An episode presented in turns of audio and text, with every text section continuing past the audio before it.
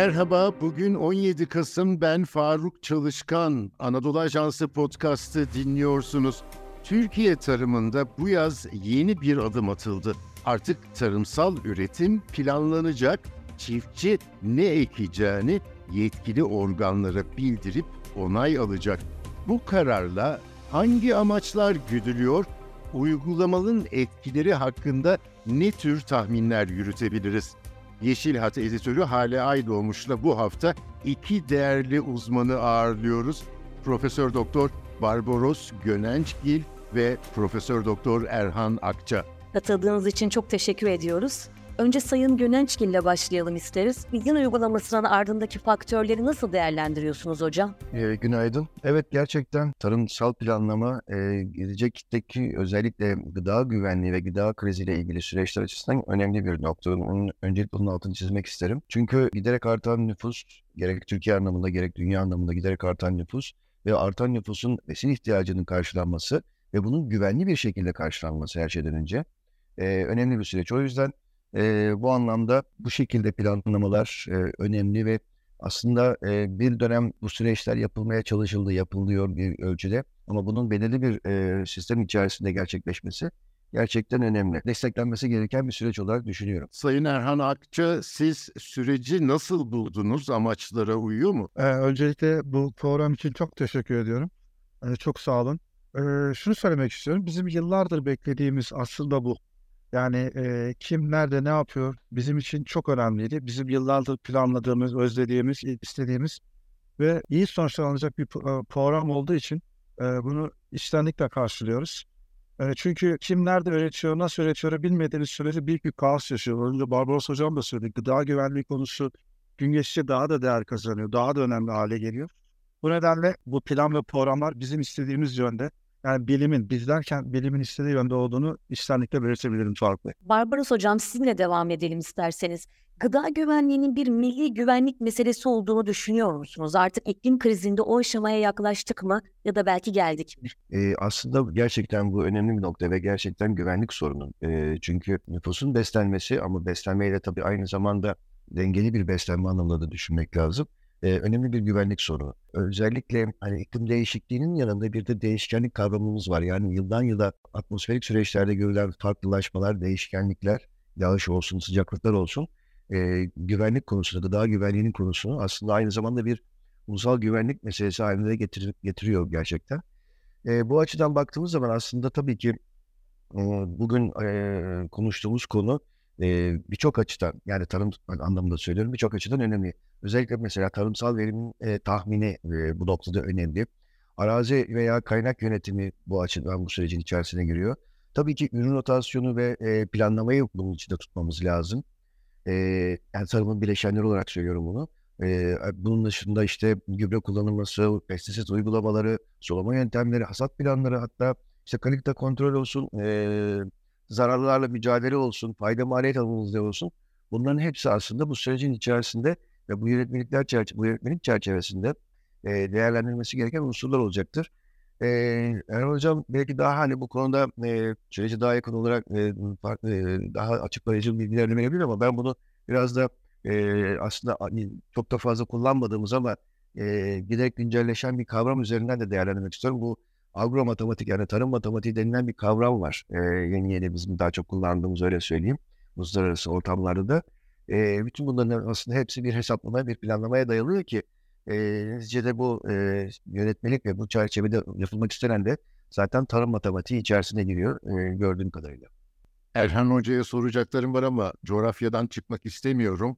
E, ziraat mühendislerinin e, meslek kuruluşu e, tarım takviminin değişmesini istedi. Birçok bitkinin daha kuzeye göç ettiğini e, okuyoruz birçok makalede. E, coğrafyamıza, şehirleşmemize, üretim alanlarımıza etkisi konusunda bütün bu iklim krizinin bize bir tasvir yapabilir misiniz Barbaros Hocam? Teşekkür ederim elbette. Yani e, bizim e, fenoloji dediğimiz bir kavramımız var. Yani bitkilerin e, özellikle biz bunun tarım bitki üzerine odaklayabiliriz elbette e, o gelişme, olgunlaşma, işte hasada ulaşma süreçlerini anlatan takvimimiz var. Bu da tabii bahsettiğiniz konuyla da çok ilintili bir yaklaşım. E, bu noktada özellikle Eee, biraz önce de söylediğim gibi yıldan yıla da değişkenlikler ortaya çıkıyor. Yani bir dönem bakıyorsunuz işte yağışlar eee, bir mevsim ya da bir yıl eee, az düşebiliyor ama diğer bir yıl farklı bir süreç gelişebiliyor. Ya da sıcaklıkların eee, işte yükselmesi ya da işte yüksek kalması farklı gelişebiliyor. Yıllar arasında farklılıklar oluşabiliyor. Bu anlamda fenolojik takvimlerde eee, ki bunlar uzun yıllık ortalamalara göre e, değerlendirilen konular eee, bir takım sapmalar, yıldan yıla sapmalar oluyor ve giderek bu sapmalar daha şiddetli hale geldi. Esas problemimiz bu. Yani eee, bitki alıştığı ortamı bir yıl görürken iki yıl göremeyebiliyor ya da iki yıl görürken işte bir yıl göremeyebiliyor gibi bizim önceden tahmini eee, şart olan ya da eee, ciddi anlamda ön tedbir almamız gereken bir duruma götürdü bizi bu değişkenlik süreçleri. Çünkü iklim değişikliği dediğimiz çok daha uzun yıllara yayılan bir konu. Bu anlamda elbette sıcaklıklar arttıkça sıcaklık kuşakları da güneyden kuzeye doğru eee, yer değiştiriyor. Türkiye içinde de bunu söylemek lazım. Enlemsel anlamda söylüyorum. Bu açıdan da baktığımız zaman eee, bizim bunu adaptasyon sürecimiz yani tarımın bunu adaptasyonu da diğer önemli bir konu haline geliyor. Bu konuda işte yaklaşık bir 10 yıldır eee, tarımın adaptasyonu konusunda eee, çalışmalar var. Eee, özellikle bölgesel bazı eee, değerlendirmeler de buna uygun yapılıyor. Tabii buna uygun ürün seçimleri söz konusu. Eee, o yüzden hani bir taraftan değişen koşullara eee, adapte olmak, uyum sağlamak, diğer taraftan da işte biraz önce de saydığım hususlar içerisinde özellikle planlama olsun, yani sulama olsun, kaynak yönetimi olsun, işte daha detaya inersek eğer işte hastalık kontrolü olsun, kalite kontrolü olsun vesaire. Bunlarda da takipte kalıp anlık değişkenlikleri de karşılamamız gerekiyor. Yani aslında işimiz biraz daha büyük yani düşündüğümüzden birkaç yönlü eee, problemimiz söz konusu bu açıdan. Ama tabii ki değişen eee, süreçleri izlemek, takip etmek, sıcaklık kuşaklıklarına bağlı olarak da eee, tarımın yeniden değerlendirilmesi önemli. Planlama bu açıdan gerçekten önemli. Erhan Hocam toprak konusunu değerlendirecek olursak sıcağa, kuraklığa, aşırı hava olaylarına dayanacak aynı zamanda verimli bir toprak. Toprağımız ne durumda? Yeni şartlara uyum konusunda sizin en çok önemsediğiniz bu bağlamda başlıklar neler? Şimdi e, ilk önce şu cümleyi kurmak istiyorum. E, kötü toprak yok esasında. Siz toprağı nasıl yönettiğinize bağlı. Şimdi milli güvenlik meselesi vardı. Daha sonra Faruk Bey söyledi bu e, tarım takvim değişmesiyle. Bir iki cümle oradan geçeyim ondan sonra size zorla cevap verebilirim değil mi? Hocam tabii ki, tabii buyurun. Şimdi şöyle e, Türkiye e, sadece kendini besleyen değil dünyadaki birçok ülkeyi besleyen ilk 10 içerisinde bir ülkeyiz. Yani milli güvenlik dışında bizim uluslararası ilişkilerde diğer ülkelerle iyi ilişkilerimizde gıda çok önemli bir etmenimiz.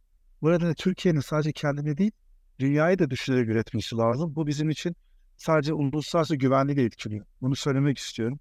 Çünkü dünyada birçok yerde e, gıda büyük sorun olmaya başladı. Türkiye bu konuda binlerce yılın deneyimi var imkanları var. Bu bir. Bunu bir kenara koyalım. Tarım takvim değişmesi konusuna gelince biraz da sizin toprakla ilgili sorunuza cevap verecek olacak.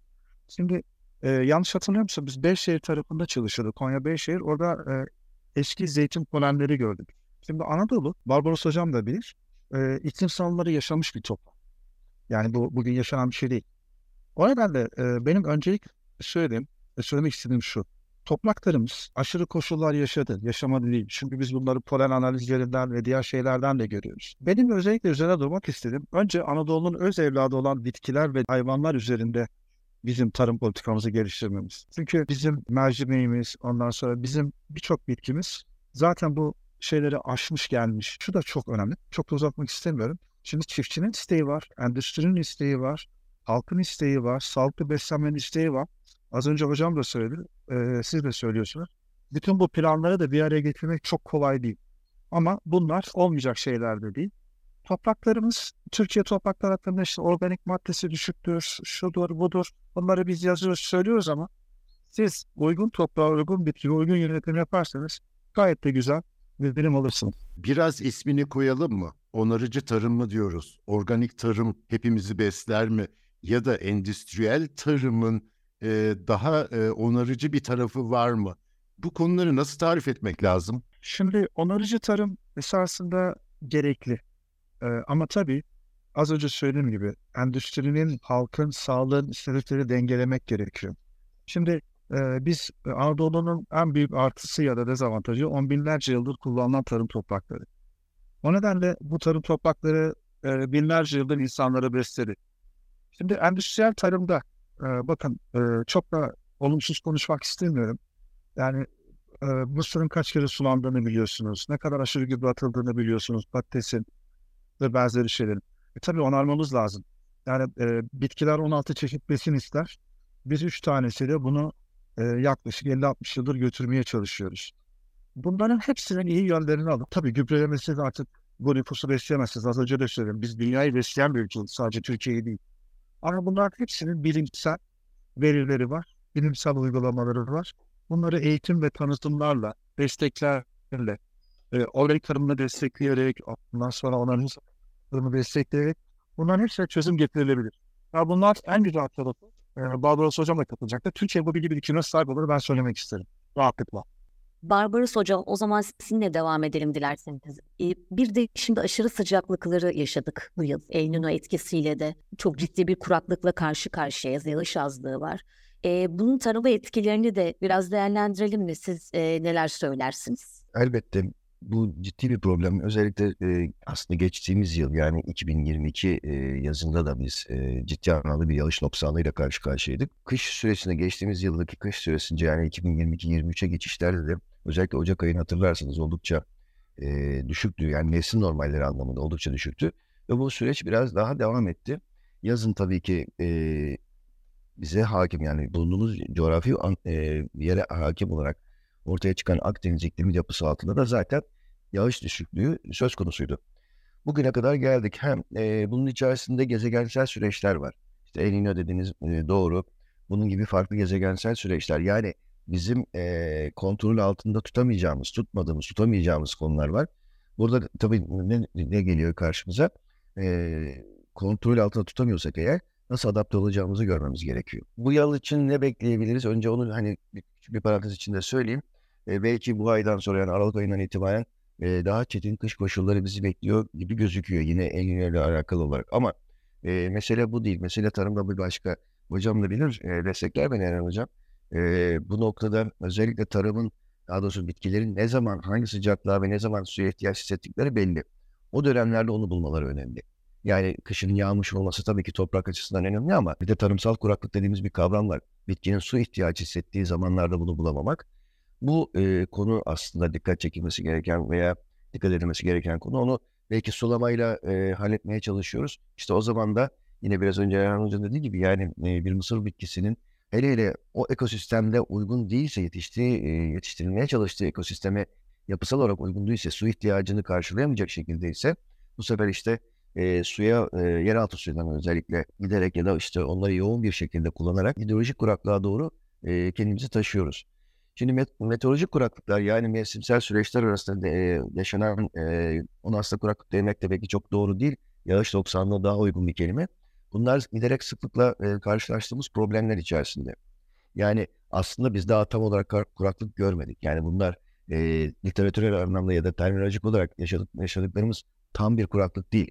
E, bunlar yağış noksanlıkları, işte yıllar arasında görülen değişkenlikler. Tam kuraklık daha büyük bir problem. O apayrı bir şey ama umarım da oraya kadar da gitmez bazı şeyler.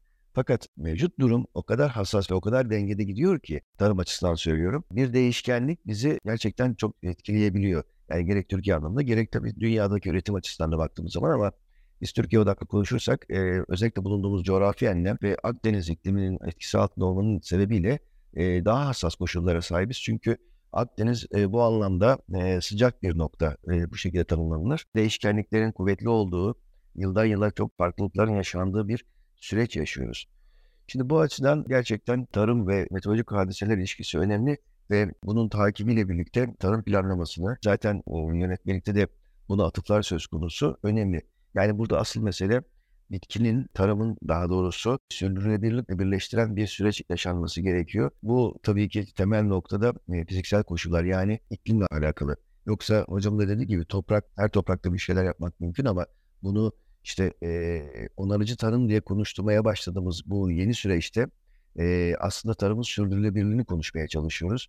Bir taraftan iklime uyum, iklim koşullarına uyum, diğer taraftan toprak, e, toprağın e, kendi özelliğini kaybetmeden, mümkün olduğunca kaybetmeden daha doğrusu uzun süreli bir kullanımı gelecek kuşaklara aktarılması gibi çok e, önemli e, ne diyelim ona görevlerle veya sorumluluklarla karşı karşıyayız. İşte bu görev ve sorumluluklar arasında popüler kültürde giderek artan ata tohum arayışı, e, onarıcı tarım metotlarına dair sosyal medyada e, çeşitli video paylaşım alanlarında gördüğümüz ilgi, e, bütün bunlar faydalı mutlaka ama e, örgütlü çalışmalar da var. Sivil toplum kuruluşları, e, devletin kurumları, enstitüleri.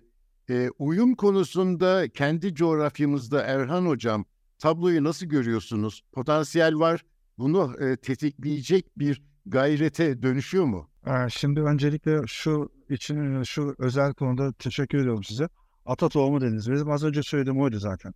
Yani bu topraklardaki öz evlatları diyorum ben o bitkilere, o canlılara. Biz onlar üzerinde yoğunlaşabilirsek çok daha iklime dirençli bir tarım yapabiliriz. Az önce hocam da söyledi. Ee, mesela biz tarım yaparken su afetini düşünürsek, tarım yaparken organik maddeyi arttırmayı düşünürsek, yani biz ne yapıyoruz? Şimdi anız yapıyoruz. Yani bu cinayette eşdeğer durumda. Ondan sonra şehirde binlerce ton e, pazar artıkları çıkıyor. Biz bunları tarlalara yönlendirmiyoruz. Yaklaşık bir dekarda 220 ton toprak var. E, burada 2 ton ağır gübresi ya da 2 ton organik madde attırdığınızda yaklaşık 60 ton su tutabiliyorsunuz. Öyle bir potansiyel var. Şimdi gelelim e, şeye az önce sorduğunuz bu iletişim ve bir araya gelme. Gittikçe artıyor. Gittikçe artıyor. E, şimdi bakanlıklar, enstitüler, üniversiteler, sivil toplum örgütleri zaten birbirleriyle çalışıyorlar. Eskiden bu çalışmalar bireyseldi ve biz bunun sonuçlarını görüyoruz. Şimdi biz köylere gidiyoruz yani Hakkari'ye de gidiyoruz. İşte hocam da geziyordur Türkiye'yi. Bir farkındalık var. Ama bu farkındalık biraz ekonomik teşviklerle arttırılması lazım. Şöyle bir şey söyleyeyim. Ben tarlamda organik maddeyi 5 yılda %1 arttırdığımda eğer ben bir teşvik ya da destek alırsam bu nakdi olmayabilir. Mesela benim sulama ücretimi düşürebilir. Ya da tohum ücretimi düşürebilir. Ee, bu çok ciddi olabilir. Bir de bu tip programlar, bakın bu podcastler, ben başlangıçta itiraf ediyorum. Bu podcastlerden çok şey beklemiyordum ilk başta. Ama şimdi şu an herkes bu podcastlerden çok şey öğreniyor. Ve doğru bilgiler çok hızlı yayılabiliyor. O nedenle e, Türkiye'de hem potansiyel var hem de gelişme var. Ben bunu rahatlıkla görüyorum. İstenilen düzeyde mi? Tabii ki değil. Ama burada e, şunu da söyleyeyim. Avrupa topluluğundan örnek vereceğim. Avrupa topluluğu yıllardır milyarlarca euro harcıyor. Hala Avrupa'da e, toprak erozyonu var. Hala Avrupa'da toprak kirliliği var. Bakın milyarlarca euro harcıyor. Bu bugünden yana erişecek kolay bir şey değil. Ama bu farkındalığın gitgide artması sizlerin destekleriyle Türkiye yol almaya başladı. Yani artık organik maddeyi çiftçi biliyor. Ondan sonra su tutmayı biliyor. O nedenle ben olumlu görüyorum. Ama tabii bunların diyalogların geliştirilmesi lazım. Daha çok eğitim alması lazım. Bir de e, özellikle görsel medyada e, bu belgesel düzeyinde, tanıtıcı düzeyde yani az önce siz e, çok güzel söylediniz yani e, sokaktaki insanın anlayacağı düzeyde bunların anlatılması bence çok ileri adımlar attıracaktır Türk tarımına. Hocam anız üstüne ekim yapmak için yalvaran bir ilçe tarım müdürünün videosunu izlemiştim. En az 15-20 yıl önceden kalma. Ee, bunu çiftçiye yaptırabilmeniz için hasattaki gelirinden ortaya çıkacak e, eksikliği, noksanlığı da bir şekilde e, kapsamanız gerekiyor bu teşviği yapabilmeniz için. Ama daha az mazot yakacaksın diye de böyle e, yüreklendirmek gerekiyor belki. İşte bu kültürel kırılma değil mi? Barbaros hocama da sormak istiyorum aynı şeyi. Yani bu kültürel değişiklik ve coğrafya yani bir cüret gerekiyor değil mi? Elbette yani e, aslında Anadolu bütün medeniyetler süresince baktığımız zaman e, tarım konusunda e, gerçekten nasıl söyleyeyim böyle inovasyonun öte hani buluşların diyebileceğim ortaya çıktığı e, bir coğrafyadayız. De, e, önce oradan gelmek lazım. Yani avcı toplayıcılıktan tarım e, yerleşik düzene geçişin e, önemli noktalardan bir tanesi Anadolu ve Mezopotamya yani bu, bu, bu coğrafya. Dolayısıyla birikmiş en az 12-13 bin yıllık bir kültürden bahsediyoruz. Toprakla ilişki anlamında tabii bu tarım ve diğer hususlar açısından.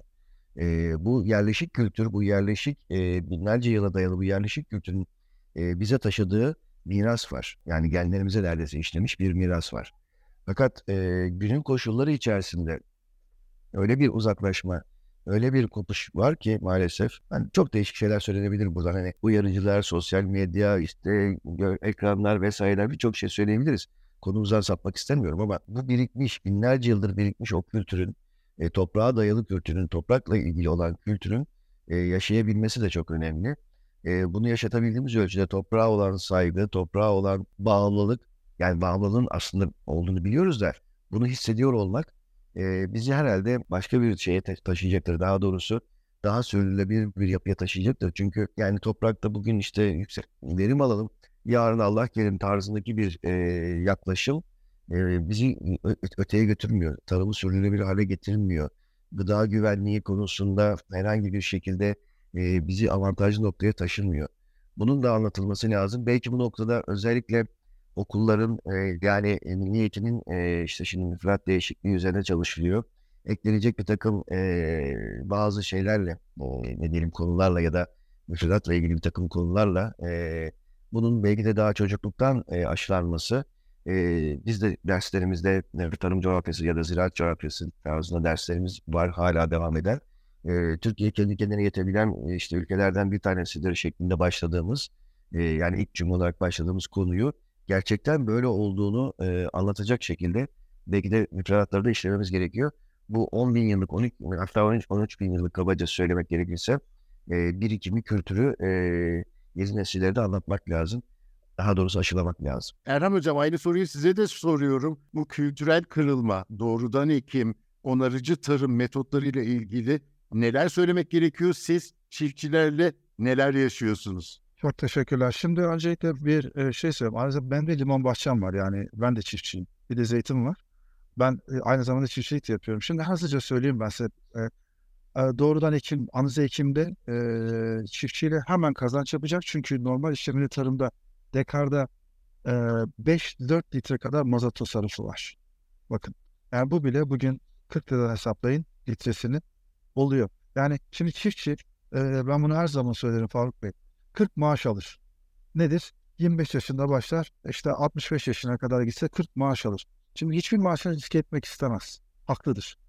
Ama biz bunları sizin söylediğiniz gibi bu ekonomik göstergelerle ve bunlar elde edecek kazançlarla ortaya koyduğumuzda günün sonunda çiftçi bunu masaya yatırdığında kendi de istemez. Mesela ben Karafana'daki kişilerle konuşuyorum. İnanın mısır ekmek iste, istemiyorlar.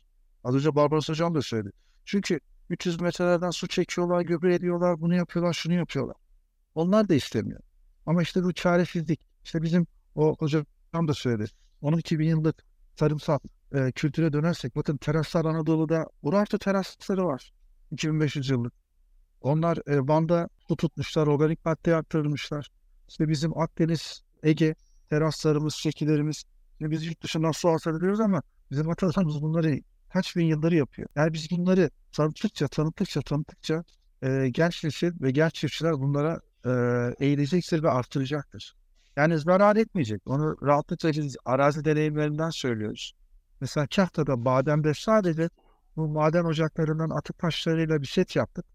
Bir yılda su tutumu yüzde beş arttı. Dekarda. Düşünün. Bu kültürel değişimi gördükçe, gördükçe, uyguladıkça pilot noktalarda lider çiftçilerle, ondan sonra araştırma e, enstitüleri, üniversitelerle ben yol aldığımızı biliyorum. Daha da devam edeceğimize inanıyorum. Profesör Doktor Barbaros Gönençgil, Profesör Doktor Erhan Akça ve Yeşil Hat editörü arkadaşım Hale Ay Doğmuş'a çok teşekkür ediyorum. Bizi hangi mecrada dinliyorsanız orada abone olmayı lütfen unutmayın. Hoşçakalın.